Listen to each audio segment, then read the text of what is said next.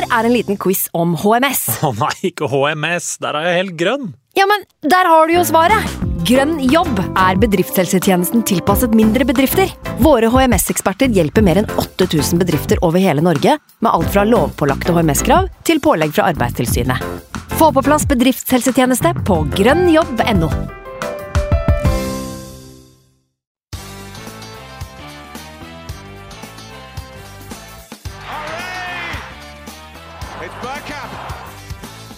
for grabs now! The next station is Arsenal. Hei og velkommen skal du være til en splitter ny episode med Arsenal Station med Magnus Johansen og meg, Simen Goffeng. Det ble en berg-og-dal-bane av en kamp etter å ha bygget opp forventninger i to lange uker med landslagsfotball. Eh, Men de forventningene ble vel ikke akkurat eh, innfridd mot eh, Crystal Palace, Magnus? Nei, altså man blir jo litt mer positiv eh, når ventetida blir lengre. Man prøver å overbevise seg sjøl om at eh, ting kanskje er bedre enn det de er. Og vi var jo oppriktig bekymra for at eh, den Tottenham-kampen kunne være en såkalt false dawn, som man sier. Eh, men at det skulle være så ute å sykle som det var i går, det hadde jeg ikke trodd. Så det var, det var et mageplask, eh, rett og slett. Så det var ikke, det var ikke noe gøy.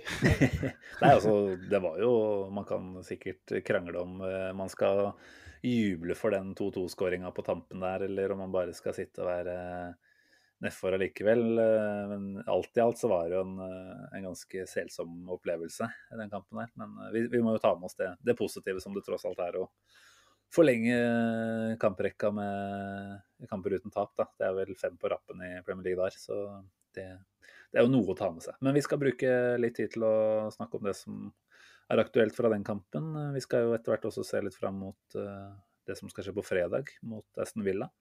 Så har jo du uh, skrapa sammen noen ord om en eh, god gammel X-spiller, regner jeg med. Så da har vi den til å se fram mot eh, på slutten av sendinga også. Ja da, det, det hører med det. Så er det ekstra kjærkomment å, å vende blikket tilbake i tid når det, når det er en, en sånn prestasjon som i går. Men uh, før det, Simen, så har vi vel uh, en uh, annen ting vi må gjennom, og det er ikke må, men noe vi vil gjennom òg. Det er igjen vi har snakka om nå i en del episoder, at vi har innleda det samarbeidet vårt med Arsenal Norway, den offisielle supporterklubben. Si senior. Yes. Ehm, nå er det jo For de som ikke har, uh, har hørt på de episodene, så, så er jo det da et samarbeid vi har gjort for å, å hjelpe hverandre. Og vi synes det er veldig hyggelig. Uh, og det vi kommer til å gjøre, Simen, er jo minne folk på gang på gang om å, å, minne, å, melde seg inn i den supporterklubben. For det er jo en investering som er uh, av en såpass hva skal jeg si, ja, eh, beskjeden Beskjeden er eh, riktig å si der, ja. ja, så det er ikke noe Det er 250 kroner i året for å være, være en del av gjengen og familien.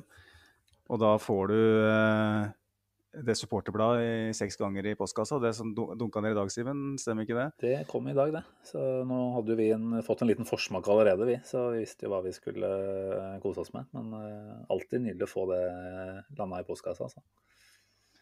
Ja, det er, jeg bor jo litt i utkantstrøket, så det tar sikkert en uke før det kommer hit. Er det ikke sånn? det er? Hesten må skos på nytt. Men uh, vi har uh, selvfølgelig uh, det faktum at du kan søke på billetter til samtlige hjemmekamper. Og da får du den muligheten til å sitte ved siden av kompisen din òg, som gjerne er litt vanskelig hvis man skaffer Mm. gjennom, direkte gjennom klubben, som jeg har gjort noen ganger sjøl. Og ikke minst da, så får du være en del av den, eh, familien, om Du får være med på fellesturer, eh, type cupfinalefester, eh, samlinger med andre norske Arsenal-supportere som man lever lenge på. Og det er jo litt sånn, Simen, at nå er det jo ikke noe sånn eh, samling i London i år, men eh, det kommer til å være ganske mange nordmenn eh, i London i desember. Ryktene sier at det blir en masseutvandring. Eh, sånn rundt den 10. desember er det vel folk tar helg. Og vi har vel fått med oss at det er ganske mange som eh, turer over for de kampene mot eh, Southampton og Westham. Så er vi også såpass eh, heldige at vi har fått ordna oss noen flybilletter og en liten beskjeden seng og matchbilletter til de to kampene, så vi turer over, vi også, Magnus. Det blir gøy. Nå har vi sittet også på hver vår tur i ja, 15-16 måneder eller hva det er, og podda. Og nå skal vi ligge i dobbeltseng sammen ei uke etter det, eh, når vi kommer til London. Ja, vi skal vel podde derfra, skal vi ikke det? Altså fra dobbeltsenga, under samme dyne. altså Det hotellet vi har bestilt, det er, det er så lite at må, vi må, må, faktisk sitte i dobbeltsenga på det. hvis Vi skal det. vi tar med utstyr i hvert fall, så får vi se hva det blir.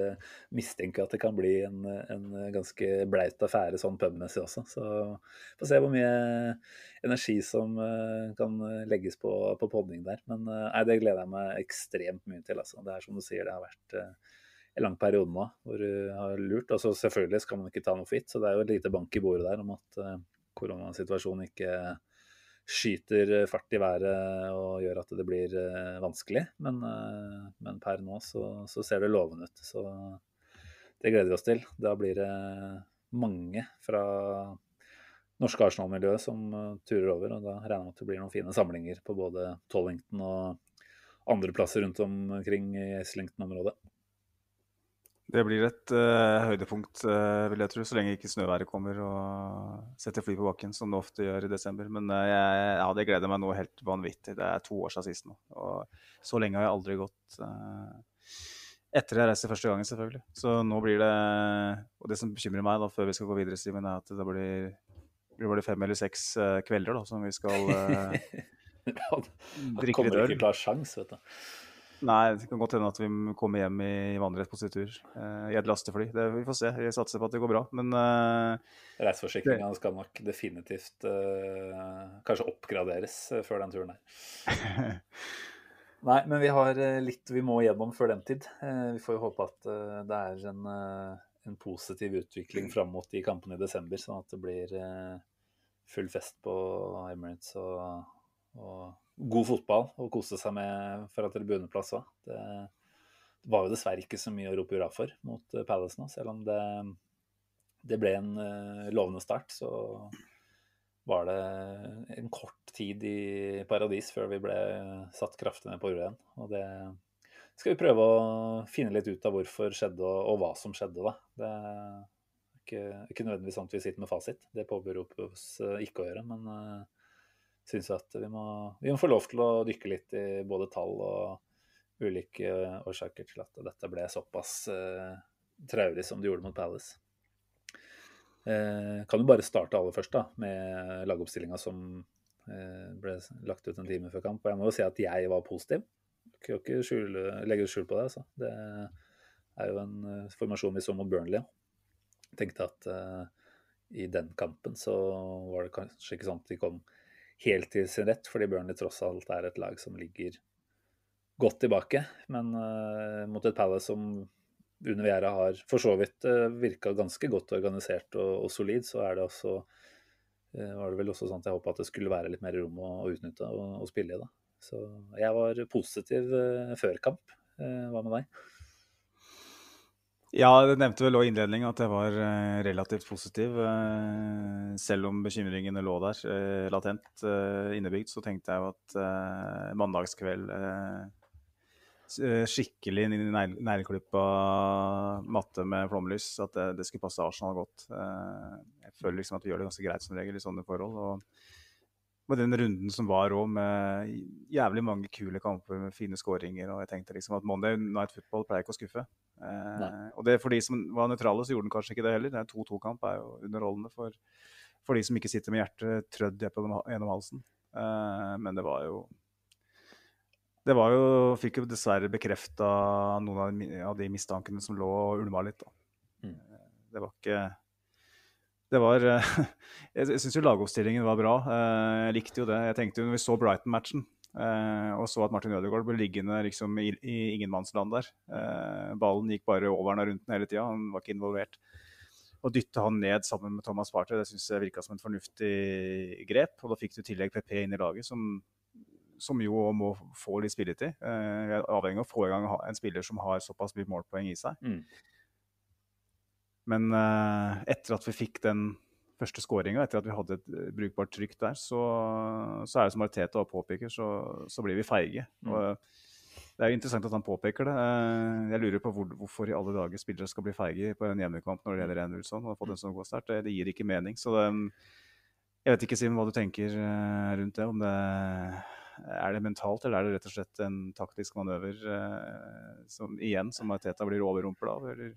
Ja, nei, det er, jo- igjen, det er jo kjempevanskelig å si. jeg, jeg tenker jo i hvert fall Når man hører det Arteta sier der, så er det ikke noe han instruerer spilleren om. At nå skal vi bli forsiktige. Eh, men, eh, men det sier jo kanskje litt igjen om hvor skjørt eh, si, det mentale da, i dette laget fortsatt er. At det er en eh, Det er jo ikke en eh, kjempestor tro på det man driver med, eh, dessverre. Og, og det er jo synd, fordi vi vet jo at vi er bedre til å eh, angripe og være på, på the front foot, eh, kontra det å bli liggende litt sånn eh, tilbake. Da ser vi jo gang på gang at det er eh, å invitere motstanderen inn i, inn i kampen igjen. Og Jeg syns jo ikke dette Palace-laget lå der og, og så kjempeskummelt ut før kamp heller. Altså, de hadde jo en variant med tre egentlig ganske ja, ty harde spisstyper på topp der. Eh, Ikke kjempemye fart. Eh, tenkte at her burde det være mulig å ikke være altfor bekymra for de tre. Og så var det jo en sentral midtbane eh, med Mi, Hva heter det? Ikke Mihailovic, eh, Milivojevic. Og Milivojevic, ja. Carter og han Conor Gallagher, da, som det skal sies at var ganske så god. Han har vel også blitt Mm. utropt som beste spilleren deres i sesongstarten, sånn sett under ett. Men jeg hadde jo en tanke om at eh, en, en såpass eh, solid teknisk duo som Ødegaard og Partey eh, da egentlig skal være, da, kunne holde i ballen og kontrollere dette litt uh, mer enn det som ble tilfellet etter at det hadde gått en var det, syv-åtte-ti minutter, og at vi fikk den tidlige skåringa. Så jeg vet ikke om det kan sies å på en måte legges på Arteta, uh, det at vi velger å Eller at vi blir såpass uh, forsiktige, men uh, etterlyser jo igjen at det, at det skjer en forandring der, også- derfra også, da. Uh, Mm. For det er klart at dette Palace-laget, det hadde jo selvfølgelig en idé om å gå ut og, og være vanskelig å spille mot. Og når vi får det tidlige målet, så, så bør jo det egentlig være en håndsrekning til oss. hvor vi kan utnytte at de må mer fram. Jeg syns ikke Mm. vi på noen som helst måte klarte det. Og vi virka rett og slett eh, egentlig litt eh, tunge. Eh, mange spillere som Mm. har vært av gårde på landslagsoppdrag. Vi gikk vel gjennom det før vi starta å spille inn her nå. Vi kom vel fram til at det var vel kun av de som starta, Ben White og ja, hvem flere var det? Var det bare han som var på treningsfeltet? Ja, det spør du godt. Um, ja, Um, det var jo av gårde, men, og muligens Tomiasu var, var igjen der, hvis ikke han var av gårde. Så det er klart at folk har vært på farta, og en Ødegaard eksempel, som jo ble tatt av etter Eller før kampslutt, da, mot eh, eh, Nå glemmer jeg alt, jeg. Hvem var det Tyrkia. Tyrkia var det selvfølgelig. Mm. Jeg var jo der til og med, så det burde jeg jo klart å huske. Men, eh, men han uh, virka jo sliten i den kampen, og hadde jo ikke det sedvanlige overskuddet og den energien som vi har sett en del. Da. Så det er godt mulig at det rett og slett, selv om vi spiller den siste kampen i runden og sånn sett hadde fått en dag eller to ekstra og komme seg på treningsfelt og, forberede, så, så så liksom ikke laget ut som det sprudla, da. Eh, selv om de gjorde det de første minuttene. Men det er jo kanskje den ene eh, gjennomgående tingen som vi kan si om det Arsenal-laget her nå, at det sprudler stort sett noen minutter fra start, og kanskje også i andre omgang, og og så dør det litt ut ofte, da. Eh, Ja, jeg er veldig avhengig av at vi skal få uttelling eh, i, i åpningsminutta i om, omganga. Da. Mm. Og det som var litt merkelig i går, var at vi ikke klarte å eh, utnytte det faktum at vi klarte å, å få den skåringa. Vi har jo snakka om det flere ganger, at eh, Arteta har vel aldri vunnet en kamp som manager hvor vi har ligget under til pause. stemmer. Eh, og det er litt sånn når Arsenal slipper inn, så er det nesten sånn ah, OK, da vinner vi ikke i dag. Da var det gjort, ja. Det er litt sånn, dessverre. Ja, det har jo blitt sånn. Eh, Så det er noe annet. Altså, det er jo ikke for å vende negativ at man sier det, det er jo ren fakta. Nettopp. og da, Men så har det vært ditt og sånn at når man scorer først, så har man som regel klart å dra det i land. Da. Selv mot de antatt sterkere motstand. Mm. Når vi snakker Crystal Palace da, som faktisk mangler den beste spilleren sin, eh, Wilfried Sa, som vi var litt bekymra for finne, hva han skulle finne på ut på venstrekanten der. så, så tenkte man jo at OK, Palace har jo altså, Under Hodgson spesielt, og nå har jo laget endra seg en del, men uh, under Hodgson så slet jo Palace uh, veldig med å skåre mål uten Wilfred Zaha i perioder. Og jeg tenkte mitt når du ser liksom Benteke som ikke hadde skåra den sesongen her. Jordan Ayu han, han, han, treffer jo ikke ei låvedør fra én meter. Og Oddson Eduard, da, som på en måte er litt sånn ubeskrevet i Premier League, så tenkte jeg at jeg er ikke så jævla redd for de spillerne der også. Så jeg var litt redd for han Gallagher, selvfølgelig, for jeg har sett han en del. og i, i første kampen han virker jævla farlig, men uh, jeg tenkte at nei, vet du hva, det her tar vi nå. Og det er nesten sånn at man Så det er mye snakk om at, ja, men, uh, at uh, Vieira og Perez er så smarte og sånn, liksom. Men nei, jeg er ikke med på det. altså. Det her handler om at Arsenal blir feige, rett og slett. Ja, for jeg også tenker at uh, jeg tror ikke Palace blir så altså automatisk mye bedre utover i omgangen der, eller i kampen. altså det er noe som klikker opp i hodet at uh, Jeg tror ikke nødvendigvis spillerne våre tenker at jobben er gjort, men man, uh, man kom greit til det i starten. og hadde jo en uh, tilløp til en mulighet før det. og det var jo også et par halvsjanser eh, i etterkant der, og man tenkte kanskje at OK, nå, nå er mye av eh, jobben gjort allerede. Og at man kan mm. ligge og vente på de absolutt beste kontringsmulighetene. Da. Men når det skjer, så gir vi oss rett og slett bort initiativet. Og så, så, er det den der dynamikken også mellom det som skjer på tribuna og, og ute på banen. Og jeg synes jo at uh, Jeg vet ikke om hva som kommer først her, men jeg syns at det var en ganske flat stemning, jeg fikk jeg inntrykk av i hvert fall. Og, og at eh, det, du føler liksom usikkerheten brer seg litt uh, utover uh, på stadion også. Da. Og om det er fordi det starter hos spillerne, om det da smitter tilbake på spillerne, så blir det i hvert fall en negativ uh, bieffekt. da. Så, ja, det syns jeg syns vi skal ta med at vi fikk et lytterinnspill om nettopp det òg, da. Fra ja. Silje Svendsen, som har det kule nikket Trygdeturi på Twitter.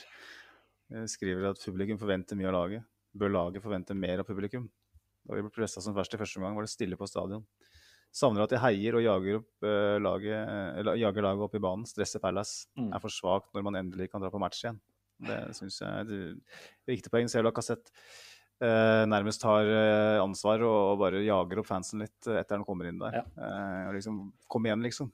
Vi på et tidspunkt så var det vel uh, uavgjort, ikke sant. Så da var det sånn Hjelp oss litt her, liksom. Mm. Eh, men det er vel noe med at Jeg kan se begge sider av saken her, rett og slett. Uh, det er noe med at det er en hjemmekamp mot Crystal Palace, liksom. uten Wilfred Saha, Wilfred Saha.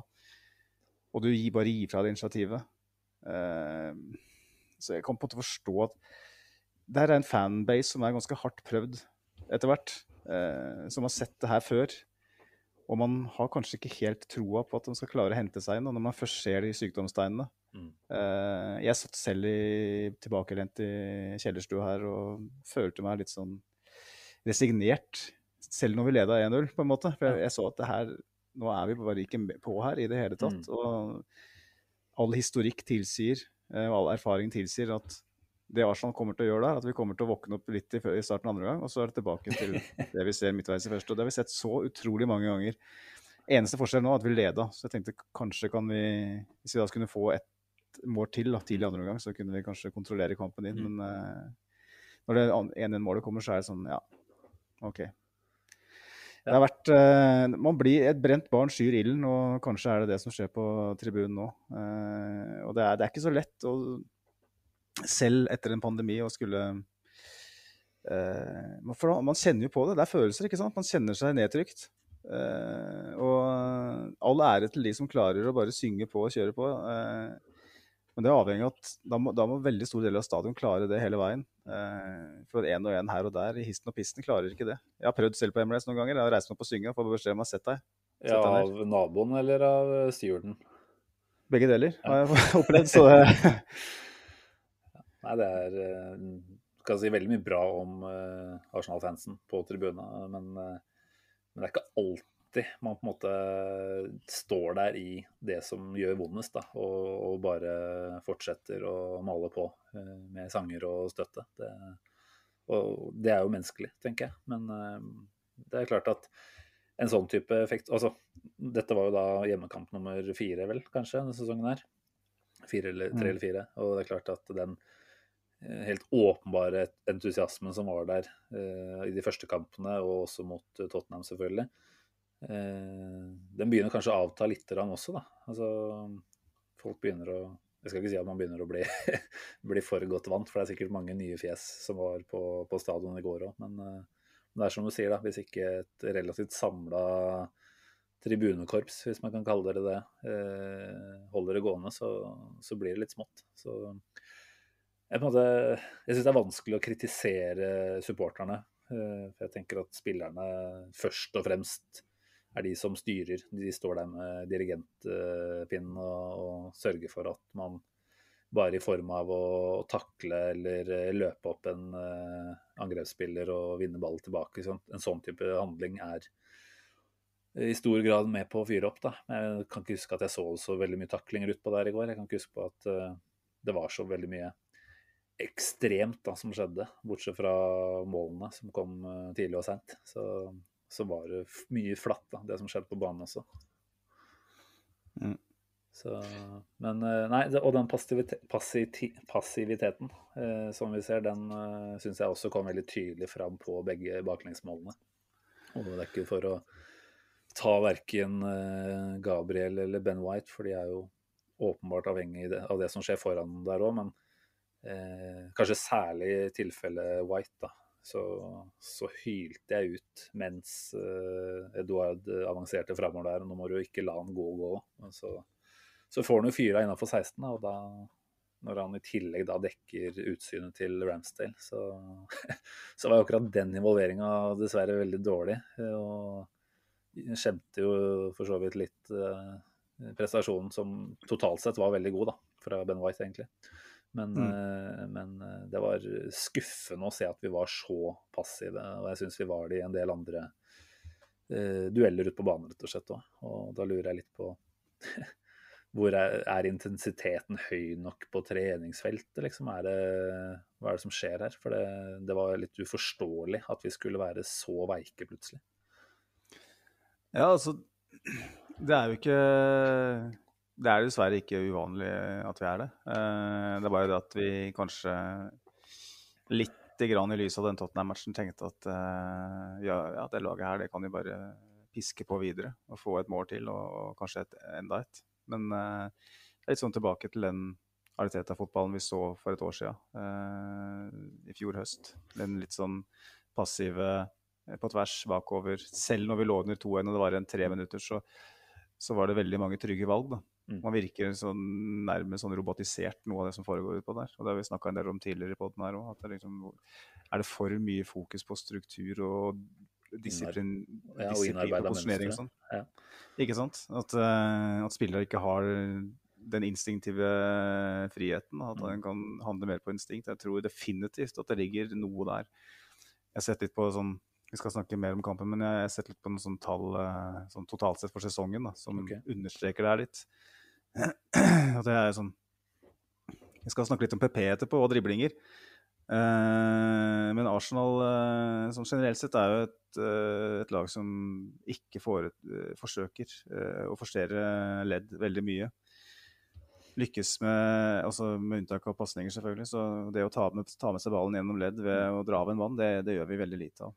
Vi er Nesten bare Smith-Roe som holder på med det.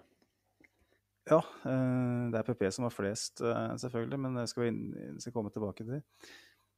Arsenal lykkes med 6,4 driblinger per 90 minutter, og det er nummer 19 i Premier League. Eh, og det sier noe om nettopp det vi snakker om, den innarbeida strukturen som ligger der. Mm. At man ikke har den friheten til å forsøke ting, eller føler at man ikke kan. For det er så mange gode spillere i det offensive lagene til Arsenal. Arteta har vanvittig mange gode offensive mm. spillere å velge blant. Det er egentlig litt merkelig at de ikke klarer å, å få mer ut av det. Uh, du har to veldig forskjellige spisser som begge er veldig gode på, på sine ting. Uh, og unnskyldningen er hele veien at ja, men uh, vi skulle hatt en som kunne begge deler. Men altså begge, det ligger veldig mye potensial i begge to, hvis man bygger laget ut ifra det. Du har en PP som har mye ferdigheter. Du har Saka, du har Smith-Roe, du har Ødegaard, du har Martinelli. Det er så mange gode spillere mm. at det er ikke jeg, klarer, jeg, kjøper ikke det der med at vi ikke spillere er gode nok, at vi ikke har nok kvalitet. Det, det, er jeg ikke med på i det hele tatt. Og um, for å ta det litt videre, så i antall ballgjenvinninger per 90. Da har vi 8,4 per kamp, og det er på 16.-plass. Det vil si at presset vårt, da, som vi så da ti minutter i går, stort sett eh, så er det kanskje ti minutters da. Eh, en Tottenham-match hvor vi går på vannet fordi at det er så mye adrenalin, det er så mye eh, fokus på at det er et Nord-London-derby, og at sola skinner, og det er hjemmekamp, og det er, pandemien er ferdig. Og, og, så blir det på en måte sånn, sånn gratis energibuss. da. Men, og da, da, handler det mer instinkter bare ut ifra det. Mm. Men når man da kommer tilbake til en sånn type kamp som Crystal Palace da, eller, eller, Brighton eller Burnley eller Norwich, så, så faller man tilbake eh, til den strukturen og den posisjoneringsdisiplinen mm. som gjør at man ikke jager i press, eh, ikke forsøker å dra av en mann, ikke forsøker å eh, gjøre ting som gjør at man kan skape overtall og ubalanse i motstanderens backfirer. Det er, det er så mye som tyder på at det Arteta prøver å gjøre med laget her, per nå rett og slett ikke funker i det hele tatt. Uh, fra et offensivt perspektiv, fra, med tanke på å bygge opp spillet. Mm. Og med tanke på hvilke spillere han har til sin disposisjon som ikke passer inn i den måten han prøver å spille på. at det er liksom sånn, Hvis han skal fortsette med det her, så Det er vanskelig å se at det skal plutselig løsne. da. Ja, ja det begynner jo å bli det nå. det gjør det. Eh, som du var inne på tidligere, altså man satt jo virkelig eh, så fram da, mot den kampen her, fordi du tenkte at nå har man igjen hatt en god treningsperiode. Det er for så vidt også resultater å bygge på som gjør at selvtilliten burde kunne være til stede. Da, og man håpa at man virkelig skulle se enda et framskritt. fordi vi har hatt altså Palace hjemme det er en kamp hvor man ikke skal måtte ta så altfor mye hensyn. og må tenke at her er det først og fremst uh, avgjørende å nulle ut motstanderen. Her er det en kamp som skal i utgangspunktet være på våre premisser. Eh, hvor vi skal få lov til å Eller ikke få lov til, men vi skal ta oss eh, eh, ja, den friheten av det er å, å, kontrollere kampen, fordi det bør være så mye tro på egne ferdigheter og tro på eget spill. Da, og det igjen, som du sier, altså, altså målet kommer jo av et resultat av eh, vedvarende trykk, og at man faktisk er eh, litt altså, ordentlig ville da, og villig i presset. Eh, mens med en gang man har fått den, og det blir på et sånn kontrollnivå, da, da, da, mister vi også den edgen. Så du, du, føler at disse spillerne rett og slett trenger å miste det litt mer. Eh, det trenger å være litt mm. mer litt mer eh, kok i toppen, rett og slett. Da. Eh, Arteta er jo på sett og vis både en svært rolig og avbalansert fyr, samtidig som han også kan miste det litt. Jeg føler at den ja, den roboten som du kanskje antyder at det ligger litt hos han òg, den, den, eh, definitivt eh, smitter over på, på gutta. Så en, en, pils der, ja, det er kanskje det som må til. Fyre opp litt alkohol før kamp. I garderoben, tenker du? Ta en Brian Clough? Uh, Back to the good old days. Ja. Nei, jeg, jeg tror ikke det er løsningen, men uh, akkurat nå så lurer man på om kanskje et par pils kunne gjort noe. Altså, jeg vil jo si at eh, sånn som Aubameyang, da, han, eh, vi kan sikkert snakke mer om han også. Jeg syns jo han i utgangspunktet er ganske så bra i går, og, og kanskje særlig i dette presspillet, da. Eh, men han fikk jo ikke med seg mm. resten. Altså, og det kan ha noe å gjøre med at Ødegaard ble flytta fra den tierrollen hvor han har vært god til å presse fra og satt lenger dypt i banen, og da fikk man ikke det. Eh, fikk ikke den initiativtakeren til press, da. Men, eh, men det også syns jeg er litt rart at resten av laget Det er kanskje å overdrive litt, men at Aubameyang blir såpass alene da, når han holder på å presse. Eh, da lurer jeg også på hva er det egentlig Arteta har instruert om her, da. Så Er det mm. sånn at kapteinen da går på akkord av Arteta og, og gjør noe annet? Eh, eller er det resten av laget som ikke gjør det de har fått beskjed om? Og, og hvorfor blir det sånn? Er det mangel på energi, eller er det igjen rett og slett at man eh, ikke bare får det til. Altså, det skal jo også sies at Vieira har trykka på en del gode taktiske knapper på det Palace-laget her og, og, fått de til å se solide ut. Så det er, ikke, det er ikke det at det er så enkelt, men eh, det, bare, det var en mismatch mellom det Aubameyang holdt på med i presspillet og det resten av laget drev med. Mm. Ja, det var det. Og, eh, Jeg heller vel mot at uh, at Arteta ikke nødvendigvis har bedt dem om å gå ut som eh, villbasser utpå der og jage som huggerne høner. Det, det, tror jeg ikke. Eh, for da hadde flere gjort det. Jeg har mm. fortsatt et inntrykk av at han har ganske solid buy-in i, i, spillergruppa. Eh, det kommer ikke til å vare så lenge hvis resultatet uteblir, selvfølgelig, men eh, per nå så virker det som spillere har, har tillit til den. Ja, nei, jeg så jo Aubameyang begynte å ta den Alexis Sanchez-greia vår. Ja, vinke med seg spillere i press. Eh, og da liksom, det husker jeg liksom jeg tenkte at det her har ikke Wenger bedt om. Eh, det her er Sanchez som selv bare improviserer. Eh, og prøver å ta styringa. Mm. For han vil så mye mer enn alle andre. Det var jo sånn han var. Det er jo ikke det vi forbinder Aubameyang med, men uh, i går så ville han mer enn de andre. Uh, virka det som i perioder. Uh, han har fått en del kritikk, og jeg forstår det ikke. Jeg syns han var kjempegod i går. Ja, ut ifra forutsetningene. Altså ut ifra at han ikke blir spilt bedre av, av laget i, og satt opp i gode posisjoner, så gjør han jo en ordentlig god jobb foran der. Mm. Så det er jo det er mye, spørs, mye spørsmål og sånt nå om det jeg har sett i dag.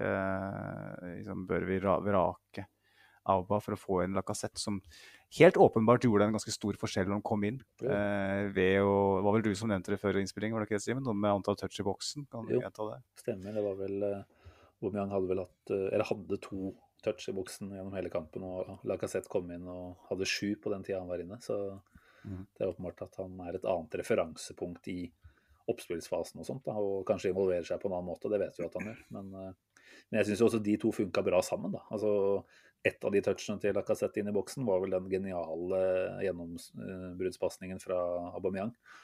Eh, så de, ja, jeg vet ikke om vi skal begynne Vi kan godt ta det litt i forbindelse med Aston Villa-previewen litt seinere her, men, men at uh, man på en mm. måte for all del må ha Aubameyang ut etter den kampen her, det, det forstår jeg ikke.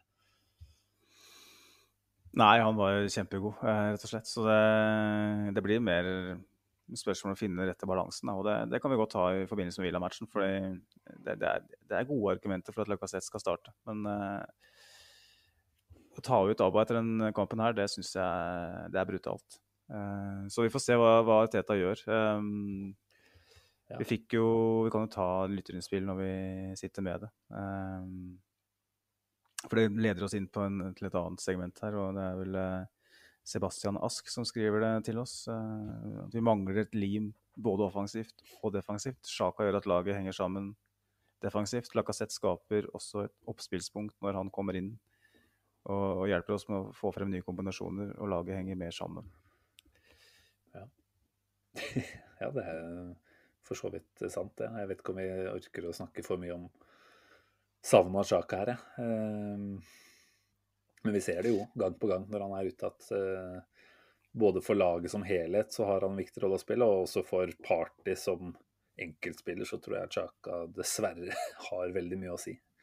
Uh, trenger ikke på en måte å ta Party i praten akkurat der, men uh, jeg syns jo at Party uten Chaka har vel med få unntak ikke vært noe særlig bra. Det har vel vært et, år, et par ålreite opptredener med El Nene ved siden av der, men når han på en måte Han er vel i utgangspunktet det vi tenker på som en defensiv midtbanespiller, men Arteta har vel et mm. ønske om at han skal være en mer allround-spiller, og det, det, får han muligheten til når Chaka er der, eh, og Elneni for så vidt. Men sånn som i går, når, eh, når han da i utgangspunktet er den mest defensive midtbanespilleren. Eh, samtidig som han egentlig blir bedt om å være en, en allround-spiller i tillegg, da, så, så funker det jo ikke. Så at Chaka er viktig her, det, det, er dessverre veldig sant. Og det er ikke noe vondt om Chaka, men det sier dessverre mye om hvor sårbart uh, dette er. da, Og ene et argument mm. for at uh, alt liksom må være på plass da, for at uh, Arteta skal få den fotballen han ønsker. Og det er jo det jeg tenker at en god manager får til, det er å finne alternative løsninger når man ikke har alle brikkene på plass. Og det syns jeg jo fortsatt han sliter litt med å finne ut av. da. Ja, han, eh, han, skulle jo på en måte være motvekten mot de der godværstrenere som vi kanskje har Arsen Wenger på slutten var jo en godværstrener. Eh, det måtte helst være 15 grader og, og nærmfrisert eh, gressmat og hjemmekamp for at det virkelig skulle svinge av Arsenal. Så så vi etter hvert med Emery òg at at han mista den kyniske delen. Og nå ser vi det litt med Ariteta. Og at liksom, det skal så lite til da, for å velte loss her. Én eh, spiller ut, så, så er det som kollapser hele systemet. Og det, det Wenger var helt suverent på, som han, vi tok for gitt, var jo at eh, hvis Arsenal gikk på et par blemmer, så hadde han en løsning eh, ganske kjapt. Mm. Han klarte som regel å snu trenden veldig veldig fort. Han veldig, i løpet av, Tenk på at han var over 20 år. Så det var ikke mange sånne lange perioder hvor han slet. Eh, og Arteta har jo allerede sikkert utligna antall lange perioder. Eh, det, er, det blir for um, enkelt å, mm. å, skylde på liksom at ja, men den spilleren er ute, og den spilleren er ute, og nei, da funker ikke, for da kollapser det systemet. og da da blir systemet for intrikat, da. og det har vi jo snakka litt om allerede. Eh, altså hvis, systemet er så avhengig av enkeltspillere, så, så kanskje så, så, kan kanskje ikke systemet overleve. Da. Nei, ikke sant.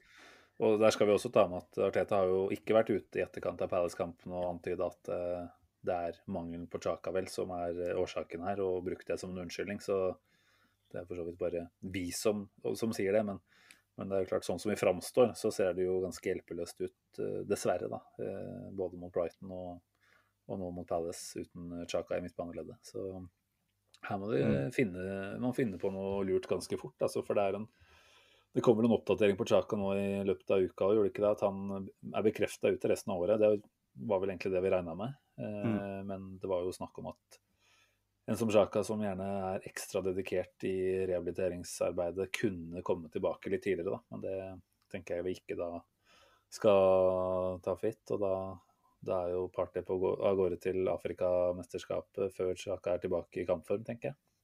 Så Dessverre, ja. Det, det, er jo mange måneder uten det vi da på en måte anså for å være vår åpenbare midtbaneduo. Eh, når det blir sånn at Chaka ble værende, da. Så er klart at... her er det bare rett og slett Altså, man kan ikke gjøre noe annet enn å Selvfølgelig, det kan bli prøving og feiling, men det må i hvert fall jobbes ganske hardt der nå for å finne en god løsning på dette problemet. Ja, og så er det jo slik at uh, vi ikke har noen sånn direkte kopi av Sjaka i troppen. Altså vi har, uh, El Neni kan kanskje kalle den fattigmannssjaka. Fattigmanns uh, Men uh, bortsett fra det så mangler vi jo, når Sjaka er ute, så mangler vi jo definitivt en kontrollør, en teknisk mm. leder, en mm. ballsentral på midten. En plattform, rett og slett, til å spille det offensive spillet vårt, å ha kontroll i, i midtbaneleddet. Uh, uten han så, så, virker det ikke som vi har det i det hele tatt. Det virker Nei. helt som ikke, Hawaii. Litt, er litt overraskende nesten. At, altså, nå prøvde man jo det i, i går, da, men uh, tenker du at han er den si, nærmeste uh, Chaka-kopien som vi, vi, kan sette inn, eller tenker du at en Zambi som kanskje ikke by på akkurat den samme tekniske sikkerheten, er mannen vi skal eh, dytte inn her, eller tenker du at det er Elneni som kanskje som inn igjen? Jeg tror Elneni er inne på laget igjen ganske snart. Beklager til alle som eh, setter eh, øl og potet og kaffe i halsen, men jeg tror det. fordi at det er den eneste spilleren som har vist at han kan spille sammen med Thomas, Thomas Sparta. Jeg vil ikke kaste eh, Sambi Lokonga til Løvene. Altså. Vi har så mange unge urutinerte spillere etter hvert i elveren at jeg syns det blir feil at, å legge så mye ansvar på, på de unge skuldra til, til Okonga. Det blir litt sånn De Nilsson igjen, at uh, han skal inn og ja. være, være, det for uh, Party som Fab uh, Nilsson var for Fabregas. da. Mm. Liksom, du må ta det ansvaret alene, sånn at den bedre, eldre, rutinerte, litt mer rutinerte spilleren skal få lov til å spille på sine styrker. For det er ingen tvil om at Thomas Party er jo helt lost på den midtbanen der uten Granit Xhaka. Det er jo helt forferdelig å se på. Eh, når han kom til Arsenal, så var han topp tre i Europa på, når det gjelder, gjaldt det å ta med seg ball gjennom ledd. Ikke nødvendigvis antall ganger, men på hvor mange ganger han lyktes. Så grunnen til at navnet hans ble trøkket, var at han gjorde det ganske mye.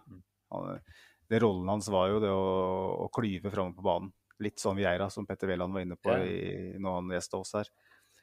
Eh, denne sesongen her så forsøker han i løpet av 90 minutter så har han 0,8 forseringer eh, for Arsenal. Han er nummer 215 i Premier League. Altså, hvorfor utnytter vi ikke kvaliteten hans, tenker jeg da. Hvorfor bruker vi ikke han det Bruker vi ikke Party på det han virkelig er god på? Eh, nå, har... nå, må det jo sies at det utvalget av uh, tall på akkurat han denne sesongen, kan, det er jo knøttlite, da, med tanke på at han ikke da spilte Ja. de første tre kampene. Og, og nå har han vært uten Chaka i to av de også. Eh, Jeg tenker at Party med Chaka ved siden av seg gjør mer av det, da, og forserer framover. Eh, Det, det tror jeg også. Han er jo dessverre nå i den posisjonen at han kanskje er den som må bli den eh, lengst tilbakeliggende, så fremt man ikke dytter på en ene, da. Så, Jo. Du er eh, edruelig, Simen. Jeg setter pris på det. Altså. Jeg bare Jeg tenker uansett at eh, Poenget mitt var egentlig ikke det at at den sesongen her, at tallet her skal liksom brukes til noe, men det er mer sånn eh, Hvis Arteta skal eh, finne en ny dynamikk nå som Sjaka ikke er tilgjengelig, så må han finne en dynamikk hvor Thomas Party kan være Thomas Party. Ja. Rett og slett. Det er jævla viktig. Hvis ikke så går vi glipp av så utrolig mye. Ja, det er et kjempeviktig poeng. Og det er jo Ja, det er veldig spennende å se hva Arteta får til der. Og jeg tenker jo igjen at eh, i mine øyne så er Arteta en eh, ekstremt fotballfaglig sterk uh, mann. da. Og jeg, jeg, forventer jo egentlig at han eh, vil klare å finne ut av sånne type spørsmål, som ikke er så enkle. Eh, det er derfor han sitter i den posisjonen han gjør. Men eh, nå får han, eh, nå får han nok en ting å teste seg på eh, og bli målt på. Og så er det jo igjen, altså rett og slett det å, å løse de offensive kodene her. Eh, For der er vi så langt unna fortsatt, altså. Selv om eh, Nå vet jeg ikke eh, sånn Med unntak av de gollene vi skåret i går, hva, hva XG-en er på. Det har jeg ikke sjekka ut, men den kan ikke ha vært veldig høy, da. XG-en vår er faktisk overraskende høy sammenlignet med Palace. da. Jo, men med 1,- unntak av de to gollene. Og sånn, ja. OK. Da, da For det er klart eh, omtrent åpent mål på bakre der for Aubameyang og nesten samme type situasjon, eh, om en litt annet forspill eh, fra Lacassette. Det utgjør jo en stor eh, XG-del, regner jeg med. da. Og så skal du selvfølgelig ikke ta vekk eh, den eh, type tall, for det, det, det har de fortjent. Men, men igjen, det, jeg tenker at de to målene kom nummer én som følge av dette typiske starttempo som vi nå på en måte har blitt kjent for.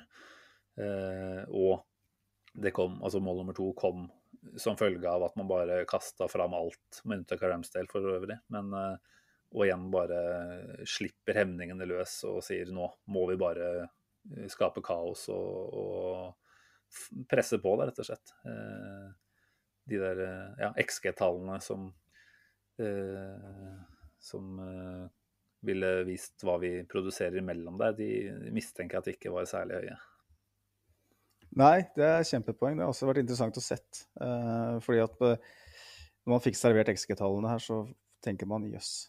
Uh, stemmer det her? Uh, og så- som du sier, så tenker han jo over hva slags skåringsmuligheter vi hadde på, på scoring. Da. Det var store sjanser. Selv om spesielt Aubameyang sin er vanskelig, så, så er det jo tross alt en spiss i en sånn posisjon. Det, det er en stor sjanse. Eh, og fordi at det er jo noen som har prøvd seg på det der med at eh, ja, vi skåra to mål i går, og vi vinner XG og vi vinner skuddstatistikken og vi har mest ball. Og, Mm. Men det, de som så kampen, skjønner at de tallene lyver ganske mye. Det er, det er et Arsenal som eh, så ganske ufarlig ut eh, med ball, mens et Crystal Palace eh, som kontrollerte ikke hele kampen, men ganske sto, altfor stor del av kampen Mm. til at det er vår hjemmebane. og så når Palace kommer, så virker det som det er på en måte, og det, ja, det virker som det er litt mer farlig. Da, og det er jo litt for at vi er i ubalanse, selvfølgelig. Jeg kan se, se på XG nå, uten at vi skal bli altfor opphengt i det. Men uh, Aubameyang sin scoring er eh, 0,52. Så er faktisk Ben White-sjansen før uh, Lacassette sin utligning den er på 0,45. Å ja. Og så er Lacassette sin utligning faktisk ikke mer enn 0,15. Men da har du på en måte I, i de to måla, to måla der så går over 1,1 XG vekk. Og da har, sitter du igjen med 0,6 i XG resten av kampen. Da. Eh, Så har du Kirin Tini sitt uh, treff i tverrliggeren. Som da, faktisk ikke er mer enn 0,05. oi, ja. Nei, det er ikke alltid jeg skjønner dette. greiene. Nei, nei. Men, eh, så Thomas Party sin langskudd var vel da ja, Jeg vet ikke om det er registrert så lave tall på en sjanse, men det, det er jo Han var for så vidt nærmere enn han har vært på en stund, da. Ja, men skal vi snakke litt om det, Simen? For vi har unnskyldt Thomas Party litt nå pga. at Granit Xhaka ikke er der. Men jeg, jeg, jeg syns ikke han skal unnskyldes helt, altså. Syns det han presterer akkurat nå, er Ja, jeg syns han nesten var den dårligste spilleren på banen der i går. Mm. Uh, jeg syns det er litt sånn careless, da. Å drive og fyre av fra 30 meter og sånn flere ganger. Altså, hvis Arsen Wenger hadde vært der, så hadde han maltraktert den der glidelåsen på den langjakka si. Han hadde aldri, altså Arsen Wenger han, Jeg har sett sånn bare et par ganger løpe ut på sidelinja for å kjefte på egne spillere. Blant annet var det en gang når Granit Xhaka skjøt fra 30 meter i en eh, Champions League-match. Nei, eller Europaliga-match, var det der. Eh, når Arsenal trengte mål. Da bare så jeg at den gamle, sindige fyren bare klikka og løp ut eh, i teknisk sone og skrek til Granit Xhaka. Thomas Party hadde aldri fått lov til å holde på sånn under Arsen Wenger. Eh, og da kan vi jo snakke om at kanskje ble vi litt for lite skuddkåte da, uh, under Wenger. Men det er noe med at nå må man gi seg. Nå må man slutte med de greiene der. Ja, det er for dumt. Ikke fra hvor som helst, det er helt enig. Jeg kommer aldri til å be en spiller om å slutte å, å skyte. Og jeg tenker at uh, selv om man ikke har vist blod på det, så, så, er det viktig at vi også kan fyre til tider, da. Men det har mm. kanskje blitt litt vel mye og fra litt vel bortkasta posisjoner. Det må vi kunne si. Det er det som er poenget mitt. Han hadde jo en sjanse til i går hvor, eh, hvor han vel drar seg forbi en mann, eller vinner ballen ved å dra seg forbi en mann. eller Hva det er, ganske rett utenfor 16 og skyter det. Da, da, tenker jeg det er helt greit å skyte. Det er kanskje beste løsningen der òg. Det er litt kaotisk, og ballen spretter, og keeperen er kanskje ikke helt klar. Og den går langt utafor, selvfølgelig, men det der ene skuddet hans fra sikkert 30 meter Det, det var, hadde en lovende retning for all del, men hvor mange sånne må du forsøke før du treffer mål? Da? Og Spesielt når Arsenal da sliter med å komme seg inn i farlige soner. Hvor skal man da bare kaste bort ballen? Det husker jeg vi sa mot Brighton nå, at da, da hadde vi nesten ikke ballen over midtbaneperioder. Når vi først klarte å få ballen høyt i banen, så skjøt Party fra 30 meter. Det var sånn, Hva faen er det du holder på med, da? da skjerp deg, rett og slett. Det er, så å si. Jeg blir litt sånn uh, glidelåsen til Wenger her. Jeg kjente at uh, korkopptrekkeren min uh, lå veldig farlig an til å havne i døra her i går, uh, går kveld. Nå ligget rolig ganske lenge. Men det er sånn, vær så snill, ikke skyt hver gang det er mulighet. Prøv å tenke økonomisk, da, for Partey han, han, mangler økonomi i spillet sitt.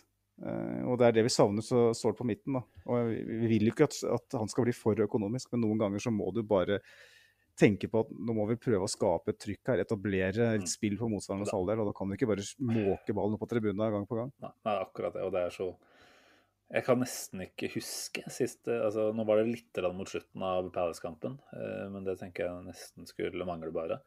Men det der med å ha et vedvarende trykk eh, Altså ikke sånn skikkelig hesteskospill hvor du må helt tilbake til stopper på midtstreken, men hvor du faktisk klarer å opprettholde korte, truende kombinasjoner ganske langt opp på motstanderens banehalvdel. Sånne åpenbare wengerske år eh, hvor, hvor, man hadde gode teknikere. Da. Og igjen, det er jo en del av de utpå der, eh, også mot Palace, tenker jeg. da, og det er rart at ikke vi evner å få til mer av det litt sånn kontrollerende trykket, da, hvor vi bare kan male litt fram og tilbake. Eh, er, uh, igjen, er det selvtilliten det er, uh, som er ødelagt her, eller hva, hva er det? Jeg syns det er uh, ekstremt skummelt å se hvor, hvor, lite vedvarende press vi klarer å få med motstanderne. Vi stilte jo spørsmål da i vel, på den Twitter-posten vår før sending. Jeg husker ikke helt ordlyden. Det er jeg som stilte spørsmålet, så jeg skal finne fram her. Jeg spurte er det mulig å se progresjon i oppbyggende spill. Mm.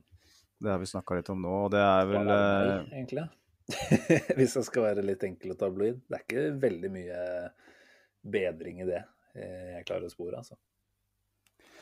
Nei, og det Vi fikk ikke så mange svar på det, for det er, for det er vanskelig å svare, mm. si noe annet enn nei på det, rett og slett. Uh, Eh, Stian eh, Børling, som eh, du vel må kunne kalles en meningsfelle for deg, er det ikke det? Vi får se om det er tilfellet i dag. Du får komme med hva han mener. Han skriver jo 'progresjon i oppbyggende spill'. spørsmålstegn. Ikke mye å rope hurra for. Det blir, må, må, bli mer effektivt, mer kreativt og mer tempo over lengre perioder. Ikke bare 10-20 minutter, og så mm. stopp. alarmen må ringe hos Arteta nå. Eh, og det er jo Wow. sikkert uenig i. Altså at alarmen må ringe hos Arteta, eller over hodet? Nei? Nei, altså alarmen må ringe hos Arteta, skriver han. Det er bare. Ja. Uh, så det var ikke det jeg lurte på. Nei, men altså hele, hele den uh, meningen der er jo vanskelig å ikke si seg enig i. Altså, vi, vi evner jo ikke å, å skape noe særlig mot etablert forsvar. Vi, vi presser oss gjerne fram til uh, muligheter, og vi kontrer. Mm. så, så her er det jo åpenbart at vi må ned på tegnebrettet og, og finne ut av hva skal til for å klare å kombinere seg gjennom eh, det som ofte er dypeliggende motstandere. Da. Mm. Eh, men ja, igjen, altså alarmen om å ringe hos Arteta, det, det burde han ha gjort for lengst. Fordi de offensive stegene som har blitt tatt i løpet av nå snart to år, faktisk, de er jo ikke veldig store. Eh, og det er jo derfor man dessverre lurer da, etter hvert på om Arteta faktisk innehar de kvalitetene som skal til. Eh, altså igjen, Han er, virker jo som en ekstremt fotballfaglig god mann, men kanskje ikke på alle områder.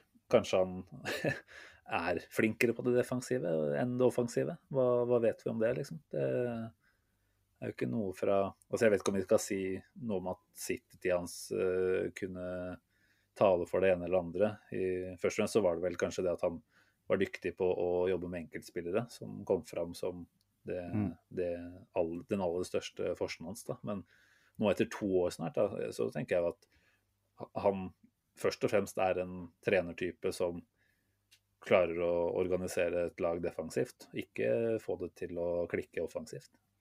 Det, Det. Så får man bare velge selv når man skal på en måte sette en grense for, eh, for om man tror han kan utvikle dette videre, eller om dette er eh, det Arteta kan og ikke kan.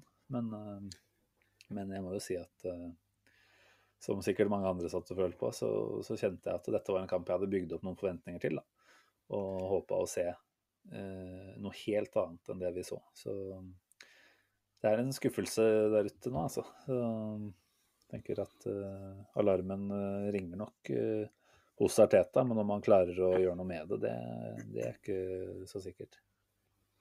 Det er som Kristoffer skriver på Twitter til oss. da. Han skriver vi har nesten et helt nytt lag på papiret, men vi spiller eksakt den samme fotballen som vi gjorde for et år siden. For første gang siden Teta tok over, tenker jeg at det kanskje er han som er hovedproblemet. Jeg vil at dette skal funke, men jeg tviler mer og mer, skriver han. Og det der Der uh, traff han meg. det er godt oppsummert, Eh, jeg syns det var veldig godt oppsummert. Også, det var nesten et sånn skyvedørsøyeblikk for meg i går, når uh, Oddson Eduard uh, satte inn 2-1. Da gikk skyvedøra igjen og gardina ned og korkopptrekkeren i veggen. opp. Så Ja. da, skrudde, da skrudde jeg av TV-en rett og slett uh, i to minutter. For at eh, jeg bare tenkte at eh, Ja, jeg har jo på en måte støtta Teta Jeg har sagt at jeg, at jeg har troa på han som Mm. manager på sikt. Men jeg har også sagt at jeg tror at han ikke sitter til jul. Eh, og så har jeg moderert meg der eh, nylig når jeg var gjest i, hos Andreas i Arctic Gunnerpod. En veldig hyggelig prat med han og så Henrik fra Livet, eh, Livet som Gunner. Stemmer. En symbiose av eh, norske Arsenal-podkaster.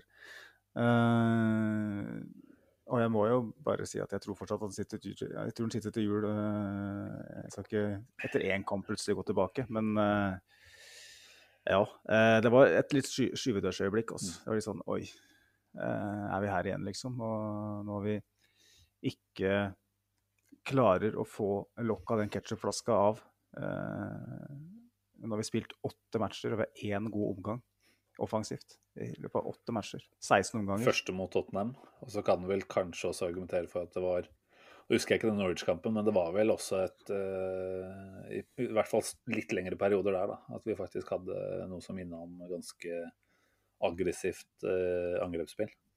Ja, uh, Men ja, det er- det er- edruelig og snill enn meg, sier Det er sjeldent, da. Det skal jeg være enig med deg. Altså, det er jo The proof is in the pudding, pleier man å si. Og den puddingen den består jo nå av jævlig få mål, uh, dårlig sjanseskaping og eh, rett og slett uh, mye tamme omganger med fotball, som du sier. Dessverre. Og det Jeg tror dessverre at uh, at vi har sett såpass mye nå over lengre tid, som Kristoffer er inne på. At, ja, ja, nei, jeg, jeg syns det er vanskelig, altså. For det er, det er, klart det er et ungt lag. Det kan man alltids også og Det er verdt å huske på. Det har Tete sine spillere, dette her. men det er spillere som vil svinge naturlig mer i prestasjonene fordi de er yngre. Det var vel TV 2 hadde vel den oversikten før kampen at vi er det yngste laget i Premier League.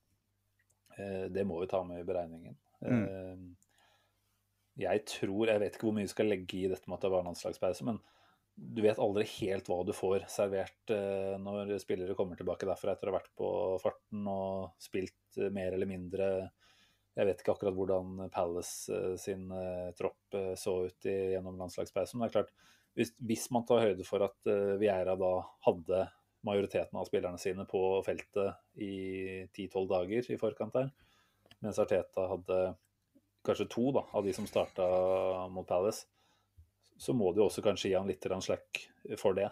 Eh, så jeg, var ganske pissed eh, både underveis og etter den kampen her, men eh, prøver liksom å hele tida rettferdiggjøre og gi han en, en, grunn for at dette her fortsatt skal være mulig å tro på. Da.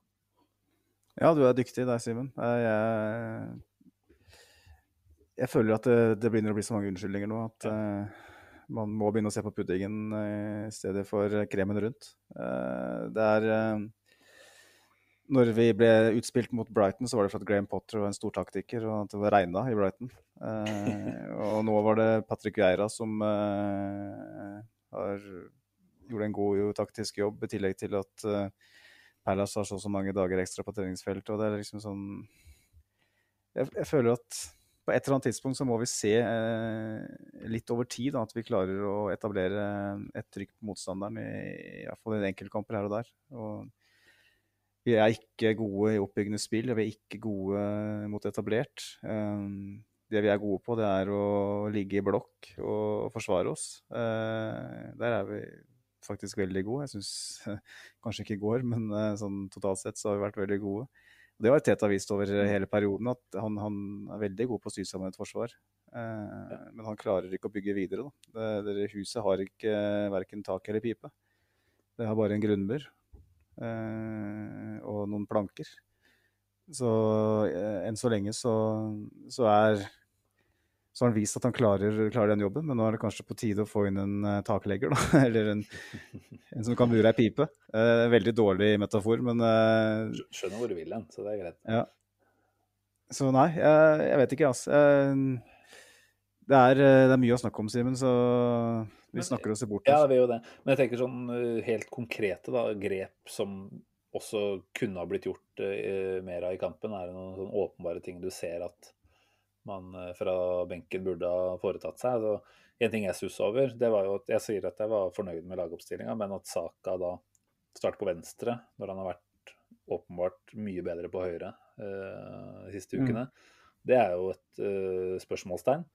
Uh, jeg stussa litt over at For så vidt greit at utgangsposisjonen er sånn, men at ikke det kunne gå an å flekse litt mer mellom PP og Saka her. At de kunne vandre litt mer fra ja, over til hverandres sider. da, og, og, sånn sett også skape litt mer uforutsigbarhet. For det, igjen så blir det liksom noe med at Palace eh, stort sett, da, eh, med unntak av APP sin, sitt forarbeid før Aubameyang-skåringen der, så, så sto de ganske godt imot der. da, Og virka som de var ganske godt forberedt på at ok, det er dette her de gjør, og det er det de kommer til å gjøre så lenge de spillerne er på banen. Nå ble jo dessverre saka mm Eh, tatt av til pause. Eh, det er jo for så vidt verdt å bruke noen ord om den jævla drittdommeren som var utpå der også, men uh, igjen, det skal ikke være en, en bortforklaring, men bare liksom for å få litt utløp for litt frustrasjon her òg. Men uh, jeg, jeg savna i hvert fall at uh, det var litt mer fleksibilitet igjen, da. ikke en helt forhåndsbestemt måte som man måtte gjøre det på. Eh, mm. Det kan godt hende at Saka og PP ville ha switcha litt utover i andre omgang hvis, de, hvis Saka fortsatt hadde vært på, men uh, jeg syns det er et rart valg også, da. Ja, jeg syns jo Saka er best fra høyre og PP er best fra venstre. Sånn. Eh, og det, av det vi har sett eh, i det kalenderåret, i hvert fall. Så eh, jeg ville jo kanskje vurdert å bytte Mm. plass på dem òg. kanskje ikke fra start, men iallfall etter hvert. Og sagt at eh, etter 25 minutter så bytter dere, bytter dere plass. Eh, men eh, det er sikkert noen taktiske grunner til det òg. Jeg syns jo at uh, Tomiyasu hadde en fryktelig kamp i går, egentlig. Og mye fordi kanskje at han ikke helt visste hvor han skulle gjøre av seg. Mm. Eh, ikke sant? Og det, det handler, jeg vet ikke om Saka ville ha endra på det. Han og jogga hjem, i- jogga hjem eh, så jeg. Eh, jeg så at han Tariq Mitchell fikk veldig mye rom på venstrekanten til eh, Palace gang på gang.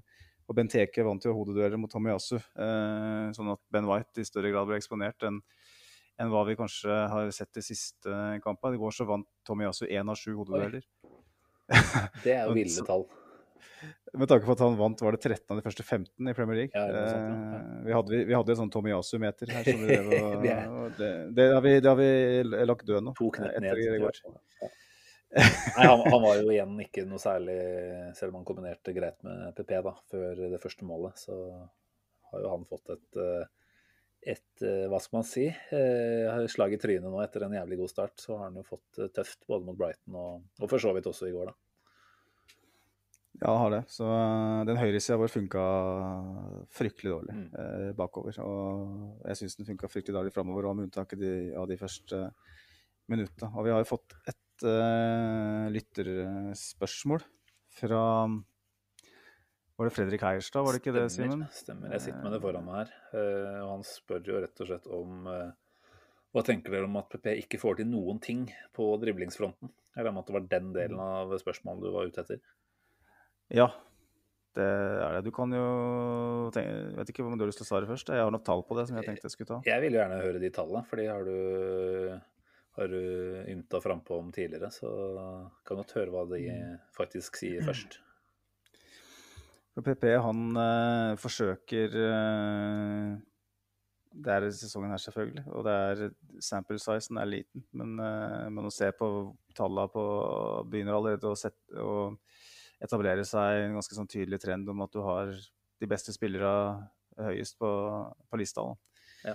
Eh, driblingsforsøk per kamp eh, er fire og en halv. Det er nummer sju av samtlige spillere i ligaen. Han lykkes bare i snitt med 1,8 per match. Oi, der er da snakker vi 30 eller noe sånt. da. Ja, og det er ikke det er flere Du har jo Rafinha på Leeds, er enda verre. Jeg vet ikke, men han, er jo, han blir jo hylla eh, i alle retninger, og han har enda dårligere stats der. Men eh, ellers så det er det en del andre også, som Wilfried Saha f.eks., som lykkes ganske sjelden. Da. De prøver ofte. Mm. Uh, men han er nummer 20 da, på vellykka. Uh, Adama Traore troner jo alene på toppen med 6,9. Uh, det er jo helt sykt, da. Uh, men uh, mislykka driblinger per kamp for PPI er da 2,7. Eh, men han har òg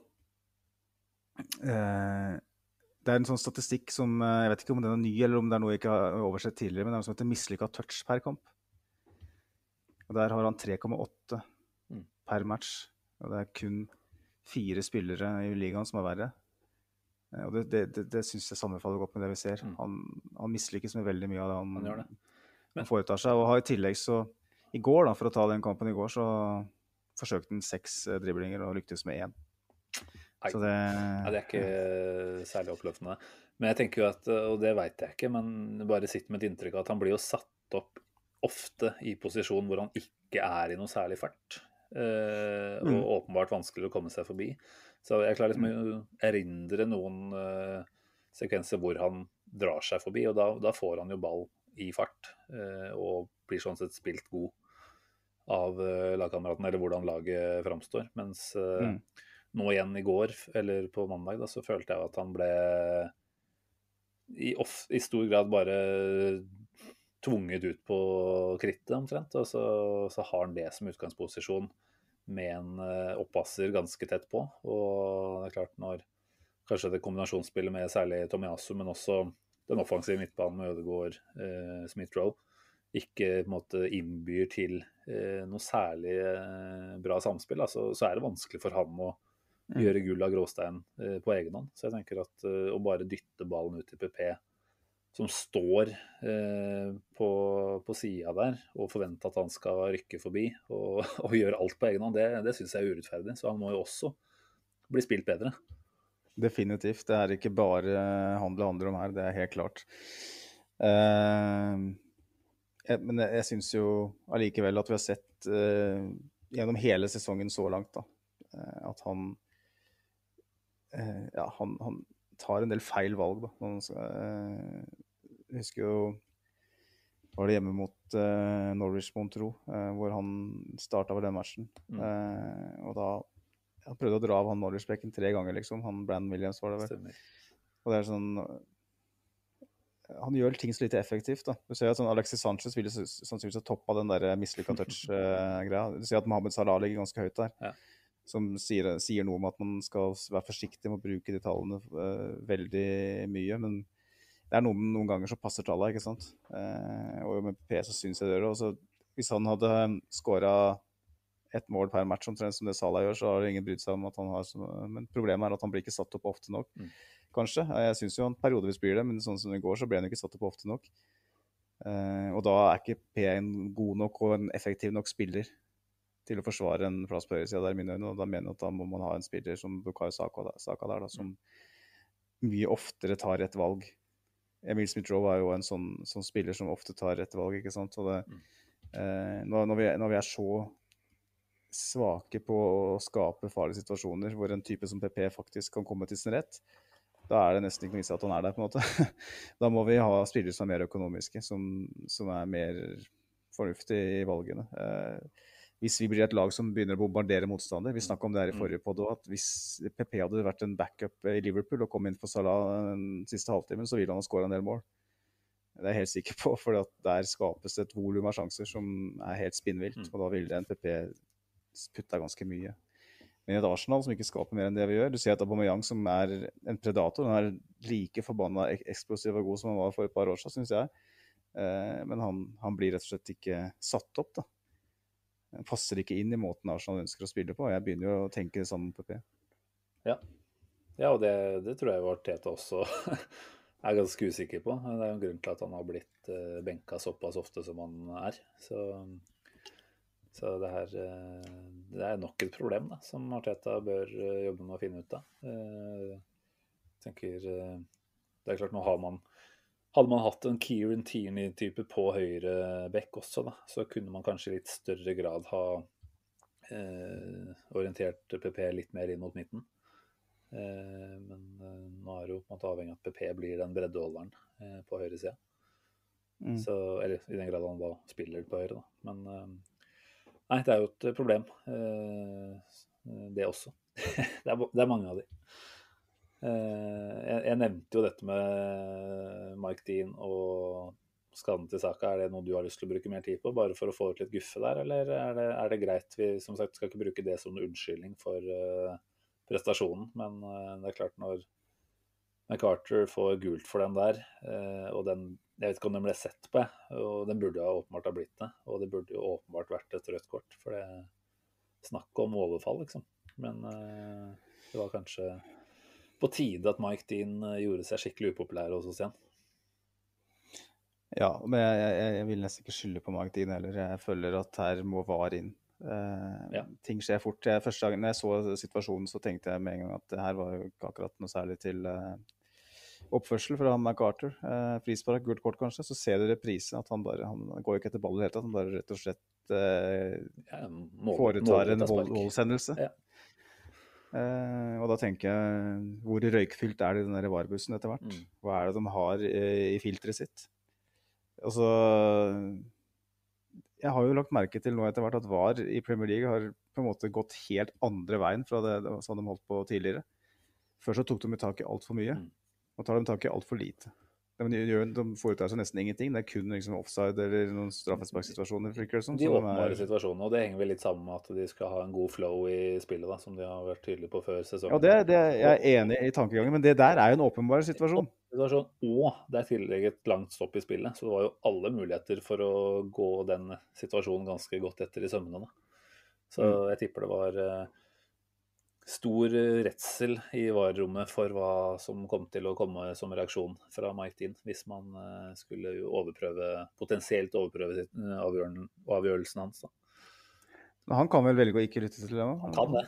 Han kan det, men så, Vi skal ikke si for sikkert at det var, men ja. Det er bare helt fullstendig håpløst. Ja. Og vedkommende som er ansvarlig for at det ikke ble rødt kort, bør jo få seg noen kamper i norsk sjette divisjon. Vi eh, må vel dessverre anta at kanskje Saka får seg en kamp eller to også utenfor nå. Det så ganske Det, det kunne åpenbart ha gått verre, tenker jeg. Men, eh, men, den smellen han fikk der, holder han vel ute mot uh, Villa på fredag, i hvert fall, er jeg redd. Ja, han er jo heldig som ikke knekker beinet til Shada. Så det, fy faen, altså. Hadde han gjort det, så hadde han fått rødt med en gang, eh, ja. selvfølgelig. Men det er jo litt sånn klassisk, det. Ryan Shawcross løper inn og tar nei, Ramsey. Ikke nei, men, nei, ikke for å nei, rippe, opp i, rippe, opp i, det bruddet, men også poenget er at hadde han bomma på Ramsey da, så med tanke på hvordan dømmingen var den gangen eh, på Britannia når Arsenal var der, så hadde sikkert ikke det blitt noe annet enn frispark, maks. ikke sant? Så det, det, er jo alltid liksom konsekvensen av handlingen som, blir, som eh, er viktigst, mm. kontra hva handlingen faktisk er. Og der, der har de en jobb å gjøre. Altså. Det, jeg syns det er så. Utrolig eh, meningsløst at, eh, at, slike forseelser skal få stå. Det var, jeg, hørte, som, jeg hørte på Arscast eh, i stad, okay. hvor han eh, Andrew eh, påpeker riktig at når dommerne tillater slike forseelser, så sørger du for at lista heves, og du sørger for at på et eller annet tidspunkt så er det en eller annen spiller som kommer til å bli alvorlig skadet. Ja, og det er jævla viktig poeng. Men det har jo for så vidt den omlegginga før sesongen allerede. Altså Selv om det ikke har kommet noen alvorlig skade, vel, pga ekstra harde taklinger. Jo, du hadde jo for så vidt en på Richarlison som var ganske brutal. Ja, fy eh, fader, ass. Men uh, du fikk jo på en måte bare ved den listlegginga der et inntrykk av at ok, nå skal vi tillate mer. Og Klopp, Klopp har vært ute og sagt og, sant, at her går man mange år tilbake i tid. Uh, og så kommer vel i verste fall et sånn skikkelig forferdelig tilfelle, da. Og så i den uh, svart-hvite tilstanden som uh, de dommerne opererer etter, så vil de jo da sannsynligvis reagere på det og slå ned uh, i neste omgang. Men det er da for seint. Altså, det kunne vært for seint allerede nå for saka. da. og hadde han pådratt seg en skikkelig skade her, så som du sier, da ville det blitt en annen farge på det kortet, helt sikkert. Men det er ikke mm. nødvendigvis utfallet i hver enkelt situasjon som bør avgjøre det. Det er jo intensjonen og, og kraften, og den var stor her. Så mm. nei, men igjen, det er godt å ha noen å hate òg, da. Og Mark Dean uh, troner ganske høyt opp der med en gang. Yes, uh, Simen. Uh, det er én ting jeg har lyst til å gjøre, og det er å legge den Palace-kampen bak meg. Takk. La oss gjøre det. Det er jo fordelen nå at det er, det er mandagskamp, og så er det fredagskamp. Da er det kort tid til å omstille seg, og det tror jeg vi har godt av. Ja, det er jo uvanlig kort tid mellom uh, Premier League-matcha her. Da. Uh, fire dager. Uh, og Aston Villa hjemme, det Når vi satte oss ned for ja, en ukes tid eller litt mer siden, når vi så på de der kampene som kom, som skulle komme nå for, for, før neste landslagsøvelse igjen. Og det var jo da Palace Villa hjemme, før Leicester borte og så Watford hjemme igjen. Så må jeg innrømme at det var Villa-kampen jeg frykta mest av alle fire. Og nå fremstår det nesten som en cupfinale. Så det, ja, for Arteta. Ja. Ikke sant? Eh, for Palace skulle liksom være grei skuring og tre poeng, og så skulle man kanskje satse på å få med seg minst ett poeng mot Villa. Mm. Uh, og nå er det sånn at nå må vi nesten vinne. Hvis ikke så går vi inn i den Leicester-kampen med Et Leicester som er på gang òg, vel å merke. der. Ja. Så, ja, det, er jo, det er jo et Arsenal-lag som stort sett gjør dette her ganske jevnt mot de fleste motstandere. Og det må vi vel også anta at kan bli tilfellet mot Villa. Og selv om kanskje ikke Dean Smith er eh, den man tenker på som en sånn førsteklasses manager med potensiell taktisk knockout uh, annenhver kamp, så, så, har jo han vist at han har uh, taket på Arsenal de siste kampene. Veldig. Så definitivt en kamp å frykte. Det er mye skummelt i det Villa-laget der. og de ligger vel per nå omtrent likt som oss poengmessig på tabellen. Jeg har ikke helt den, men eh, de har hatt en, en omstillingsfase de òg, kan du si. Etter å ha mista Grealish og vent seg til en del nye spillere. Har ikke fått det til å flyte helt, men uh, det er vel kanskje også noen tegn på at det uh, er i ferd med å, å, løsne litt grann der. Eh, har vel, nå har du vel for så vidt tapt de siste to, da, så du kan, kan du si at det ikke er gått helt uh, rette veien der. Men, men uh, jeg er litt redd for at de også nå ser på Arsenal som et potensielt byttedyr her, som det går an å frustrere og ja, jeg ser i større grad for meg at de vil kontre oss i senk enn å male oss i senk. Men uh, du skal aldri si aldri med det, det Arsenal-laget her. Nei, det er vanskelig å si hva som, som skjer. Det var det jo tydeligvis i går òg, men det er klart at Aston Villa med all den løpskraften de har offensivt, og hva det har stilt av spørsmål tidligere, så må vi jo ikke, heller ikke glemme at Villa slo oss uten Grealish òg i fjor, mm. på Villa Park. Så det er et lag som har mange, mange kvaliteter. De, eh, sånn som vi holder på med å slå innlegg eh, altfor mye. Eh, så har de et eh, midtforsvar som er veldig god på å rydde unna der. Og en midtbane med veldig god balanse og god dynamikk. Eh, de har masse gode offensive spillere. To farlige spisser, spesielt Watkin, som løper vanvittig mye. Som kommer til å ta med seg stopper på løpetur. Det er et veldig godt lag. De, har, eh, de varierer litt, men eh, jeg føler at de løfter seg litt når det er større lag. De spiller som regel relativt gode kamper mot mm. Hva skal jeg si, ja, større klubber. Ikke nødvendigvis bedre akkurat nå. Sånn, Arsenal er ikke akkurat topplag nå, men det er jo det å komme til Emirates på en fredagskveld under flomlysa, det er en litt anledning mm, fortsatt. Mm. og jeg tror Villa er, kommer til å gå ut som sultne hunder. og får vi en uh, i sekken tidlig der, så er jeg redd for hva, kan, hva, som kan skje. Men samtidig, Arsenal har eh, litt samme utgangspunkt. At eh, får vi et tidlig mål, så, så, føler jeg at kanskje hele At alle omgivelser forstår at det her det er så viktig. Mm. At da vil kanskje laget bli løfta frem av det. da. Så det er en kamp hvor første målet kommer til å sannsynligvis avgjøre, tror jeg. Ja. Nei, det blir kjempespennende. Jeg forventer jo at uh, det kommer en reaksjon her. Eh, med tanke på at Arteta må ha vært eh, ekstremt misfornøyd, og jeg håper han har gitt uttrykk for det.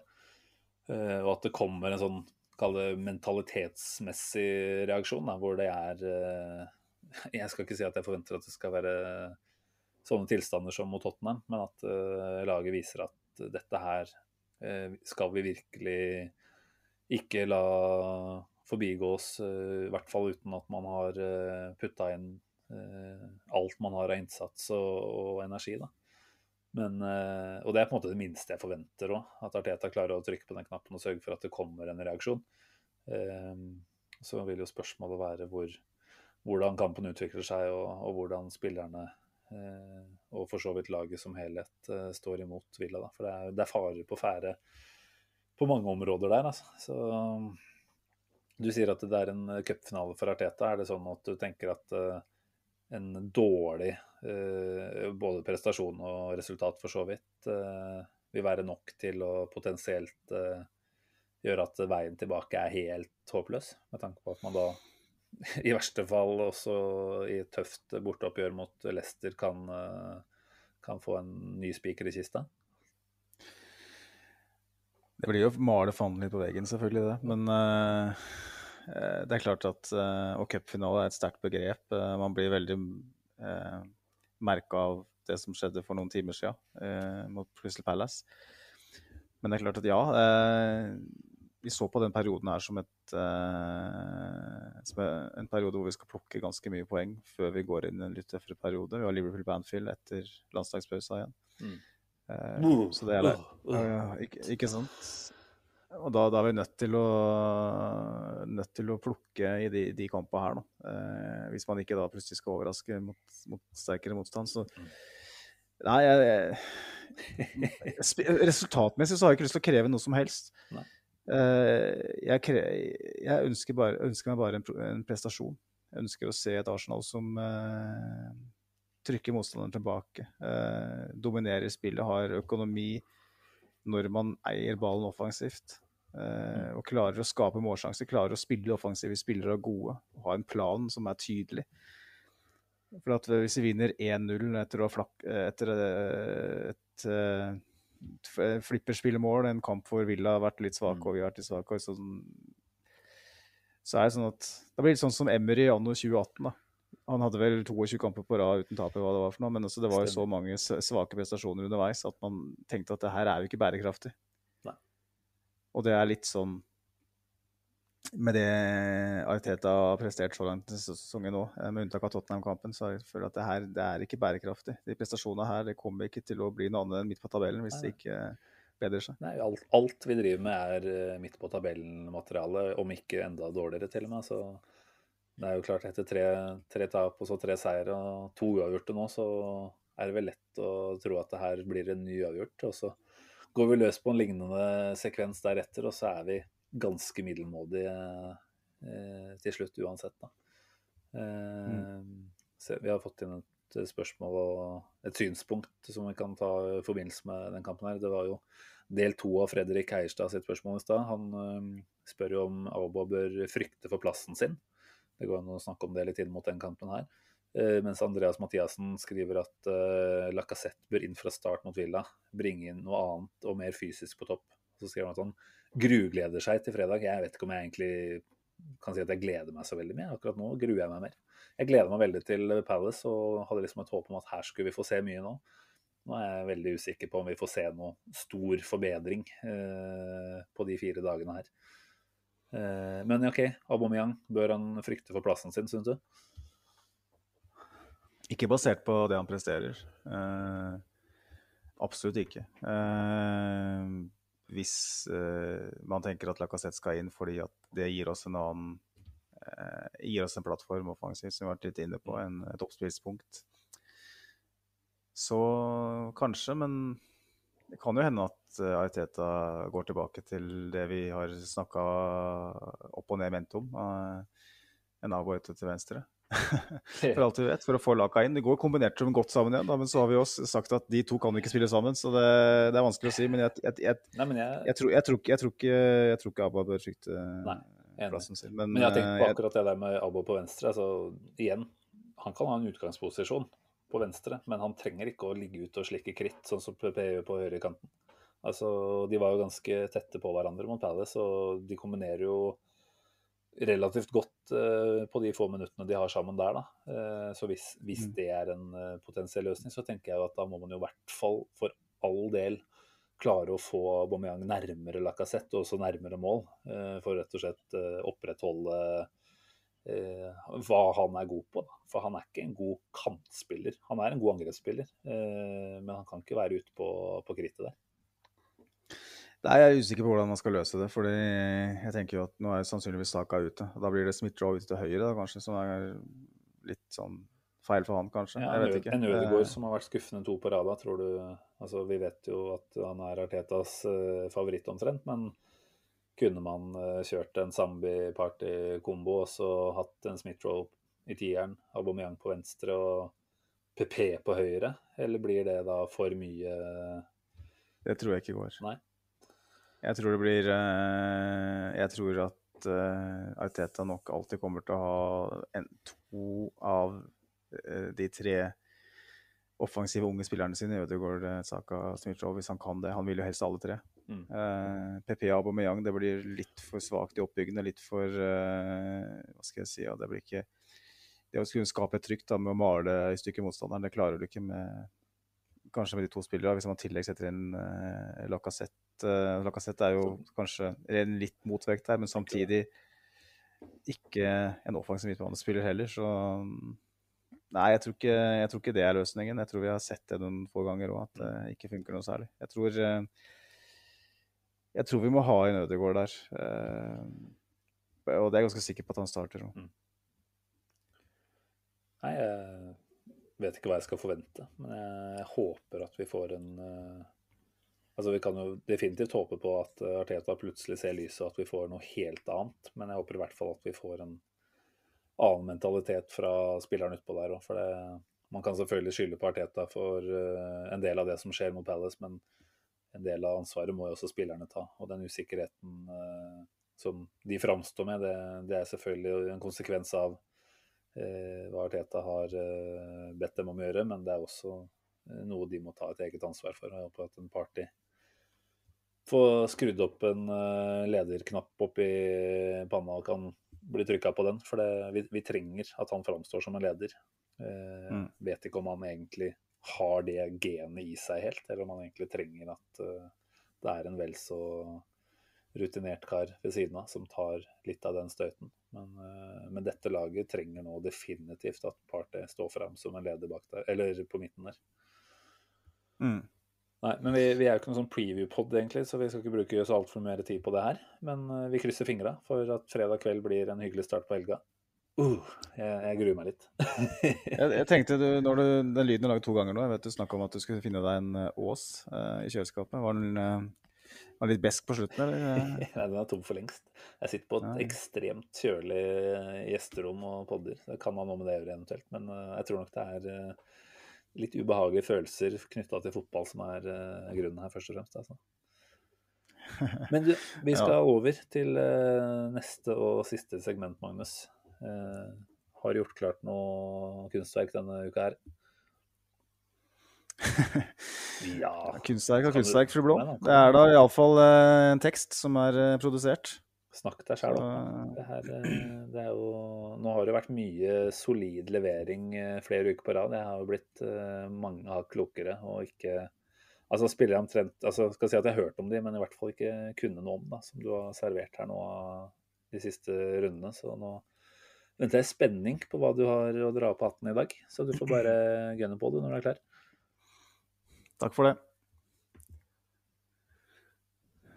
Arsenal-fansen satt målløse ved radioapparatene mens Woolton-paien ble liggende og slime på tunga. Tyggingen opphørte mens volumhjulet ble skrudd kjapt til høyre. What a bloody hell is this? En skurrete og formell stemme fylte rommet med breaking news. Breaking news som forstyrra matroen og sørga for ubehagelig gnaging fra husets herrer. I noen hjem fikk nok de tidsriktige flosshattene vinger, mens bestikk måtte sikres av øvrig hushold. Vel, så ille var det nok ikke, men man kan se for seg at etterkrigstidens gunere lot være å sprite opp urteteen da Arsenals nyeste signering ble offentliggjort. Eller kanskje var det det de nettopp gjorde? Sprite opp urteteen, altså. Sommerens spissjakt kulminerte med at manager George Allison henta en 35-åring fra nivå 2. The Gunners, som hadde så mange eventyrlige målskårere før krigsutbruddet, mangla nå en pålitelig rev i boksen. Og valget falt overraskende på en tilårskommen Fulham-legende. Arsenals nye spiss hadde bøtta inn mål i andredivisjon, og ikke minst under krigen, da han skåra 205 mål på 199 såkalte uoffisielle kamper. Men dette var ikke en Cristiano Ronaldo. Dette var heller en type Billy Sharp. He can't cut it at his age. Vel, man skal være forsiktig med å avskrive gamle ringrever. Til tross for at han aldri hadde spilt på det øverste nivået, lusket han seg inn i boksen i debuten og skåra vinnermålet mot London-rival Charlton Athletic. Og dette var intet blaff. Kanskje var han en Ronaldo-type likevel. Han skåra hele 21 mål på 24 ligakamper i sin første sesong, og sørga for at et strevende The Gunners i alle fall fikk kara seg opp på øvre halvdel. Det vites ikke om han sov sju ganger daglig og avsto fra desserten, samt plasta hotellgulvet for å unngå sykdom, men det er liten grunn til å tro at han levde som Ronaldo og Bjørndalen.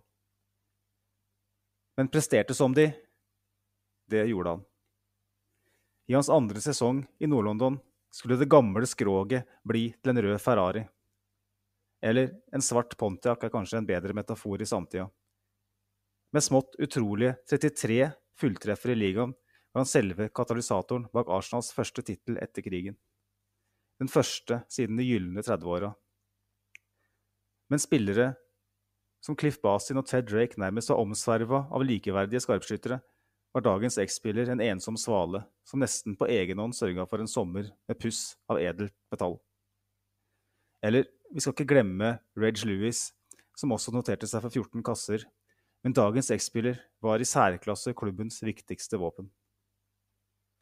Etter en, noen, etter en noe skuffende 1-1-kamp borte mot Huddersfield ble det høy sigarføring og løsning av snipp da spillerne kunne lese i avisene at både Manchester United og Burnley overraskende hadde tapt sine kamper.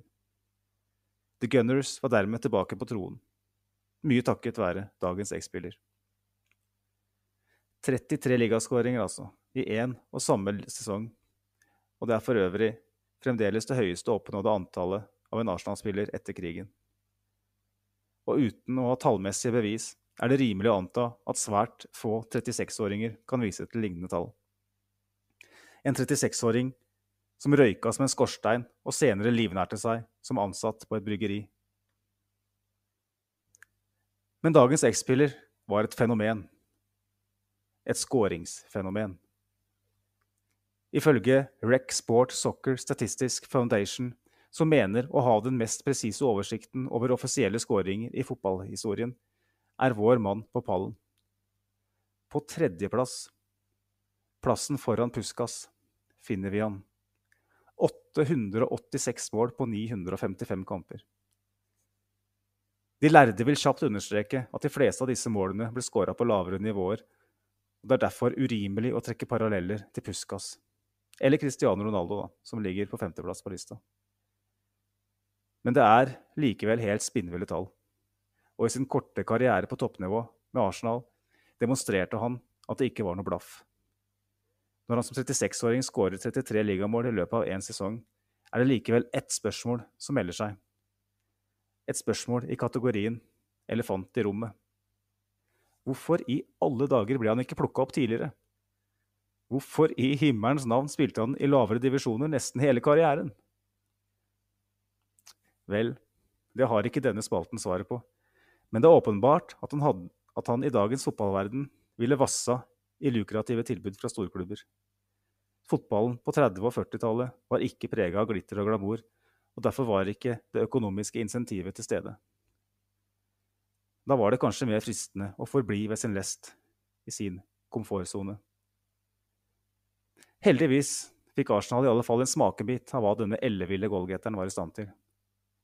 Med 70 fulltreffere på 94 kamper hadde han et målsnitt på 0,75 per kamp. Det er marginalt svakere enn Ted Drake, som for de fleste regnes som den giftigste Arsenal-spissen noensinne. Det er betydelig bedre enn storheter som Ian Wright, Thierry Henry, Cliff Bastin og David Jack.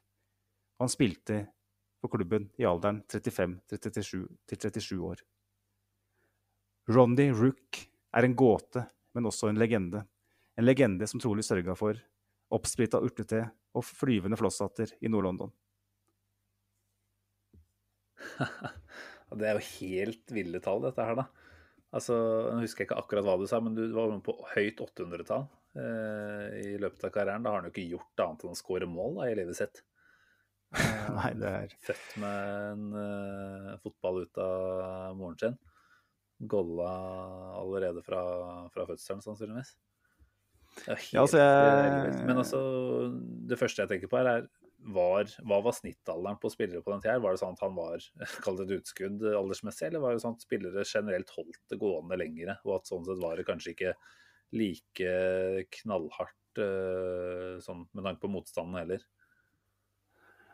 Altså, jeg, jeg, vet ikke helt sikkert, altså, men uh jeg har lest en del annen historie om, om Arsenal-spillere, og jeg kan ikke erindre å komme borti noe lignende. Eh, kanskje, kanskje, var det noen her og der i andre klubber. Eh, sånn sett så skal jeg ikke, skal ikke gå god for det eh, på noe som helst slags vis. Men eh, det er noe med at han ikke tidligere har spilt på toppnivå. Så i en alder av 35 så kommer han til eh, førstedivisjon på den tida. Da bare tar nivået på den måten og blir toppskårer og katalysatoren i et vinnerlag på den måten. Klart Det er ikke det samme som i dag, det sier seg sjøl, men uh, jeg syns det er en kul historie. Uh, og et vanvittig uventa mm. fenomen. da. Så når jeg satte meg ned med, med den teksten her, så oppdaget jeg ved en tilfeldighet den der uh, statistikken om at han lå så høyt da, på den der uh, Rec Sports Soccer Statistics ja, Foundation. Umiddelbart var Pelé som toppa den, men navnet hans ble jo ikke nevnt engang. Kan, Nei, jeg husker ikke helt det, men tredjeplassen uh... Fjerdeplassen mot Puskas. Det, det, høres fint nok ut, det. Ja. Men da kan vi jo anta at uh, Pelé ligger bak der òg, kanskje? da. Godt spørsmål. Jeg, jeg husker ikke det var en eller annen Beacon eller noe sånt som var på toppen. da, Var det det? Eh, jeg har eh, muligheten til å sjekke det, ja. mens du snakker om det andre. ja, jeg har ikke så veldig mye å si om Ronny Rook, jeg. Eh, så ærlig skal jeg være. Altså, hvis han kom eh, like etter krigen, så på 90 matcher eller hva det var, så ja, tre sesonger, da, da har han for så vidt et relativt solid eh, oppmøteprosent òg, til tross for alderen sin. Så imponerende kar, dette her. Det, det må jeg si. Ja, det er jo helt uh, spinnvilt. Um, Pelé han er nummer ni på den lista. Ja. Han vil jo selv hevde at han har flere. Ja, det var det jeg mente han- Samme med Romario, som ligger på sjuendeplass. og nå hevder vel at han har flere. Så er det Men, eh, bakgårdsmatcher oppe i favelaen i, i Rio. Det, det teller vel ikke. Men der har du iallfall nummer én er Ervin Erwin eh, Helmsen fra Tyskland. Eh, Oi, Andreplass. Josef Bikon fra Østerrike. Og nummer tre Ronald Rook, England Arsenal, født 1911. Leslie Spilte Rook. fotball eh, Det ser ut som han spilte fotball i over 30 år. Men han, eh, han mulig at han fortsatte på den lavere nivået, det er jeg ikke sikker på. Men eh, jeg vet at han, eh, han prøvde seg litt som trener, tror jeg, og så havna han på et bryggeri og jobba der. Og fortsatte å røyke og drikke og skåre mål. Det høres ut som et fint liv. Nei, det er kult uh, tilbakeblikk der, altså, Magnus. Nok en gang. Jeg må jo si at eh, dette er jo en sånn interessant historieforelesning hver eneste gang. Så jeg håper du fortsetter med disse litt eldre karene her. Prøve å variere litt, så eh, Men eh, nå har det vært et par eh, gamlinger på rad her, så vi får se om vi går litt eh, i nyere tid neste gang.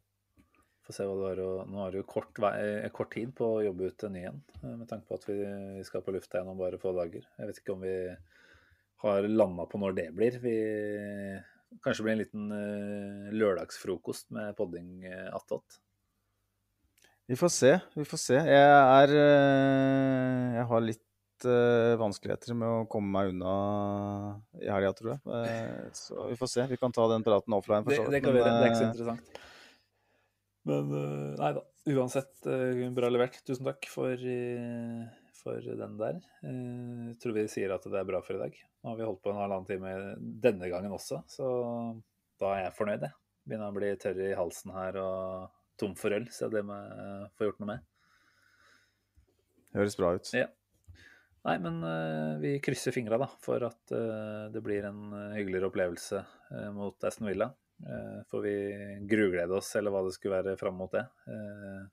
Håpe at Jeg tipper det er mange som eh, gjør som det vi planlegger eh, i desember. Altså å ta to hjemmekamper på, på rappen der.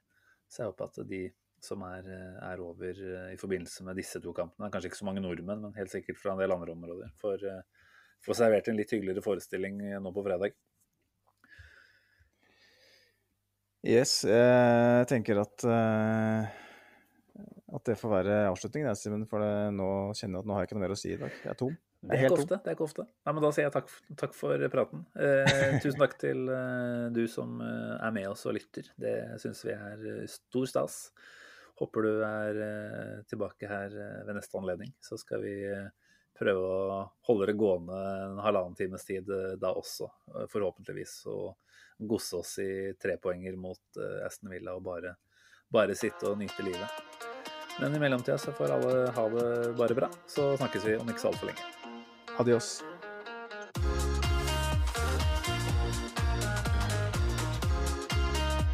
This train terminates here.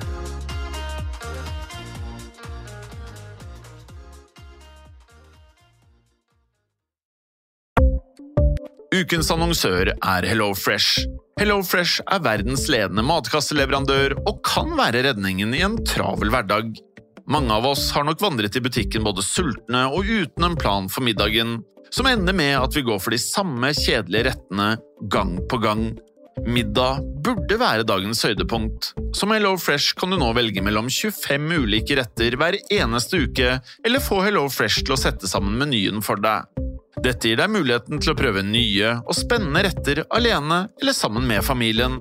Du velger antall porsjoner og får alt levert på døren på et tidspunkt som passer for deg. Oppskriftene er enkle, og maten er lett å lage både for store og for små. Ved å få alt levert hjem får du også mer tid til å dele matgleden med familie og venner. Kanskje det frister med asiatiske tacos eller greskinspirert kylling? Da kan jeg anbefale deg om å gå inn på hellofresh.no. Her kan du bruke koden FOTBALL og få opptil 1779 kroner i rabatt på de første fem matkastene hvis du ikke har prøvd Hello Fresh tidligere. Du kan også bruke rabatten hvis du har vært kunde og stoppet abonnementet ditt for tolv måneder siden eller lengre. Gå inn på hellofresh.no og bruk koden FOTBALL. Har du et enkeltpersonforetak eller en liten bedrift? Da er du sikkert lei av å høre meg snakke om hvor enkelt det er med kvitteringer og bilag i fiken, så vi eh, gir oss her, vi. Fordi vi liker enkelt. Fiken superenkelt regnskap.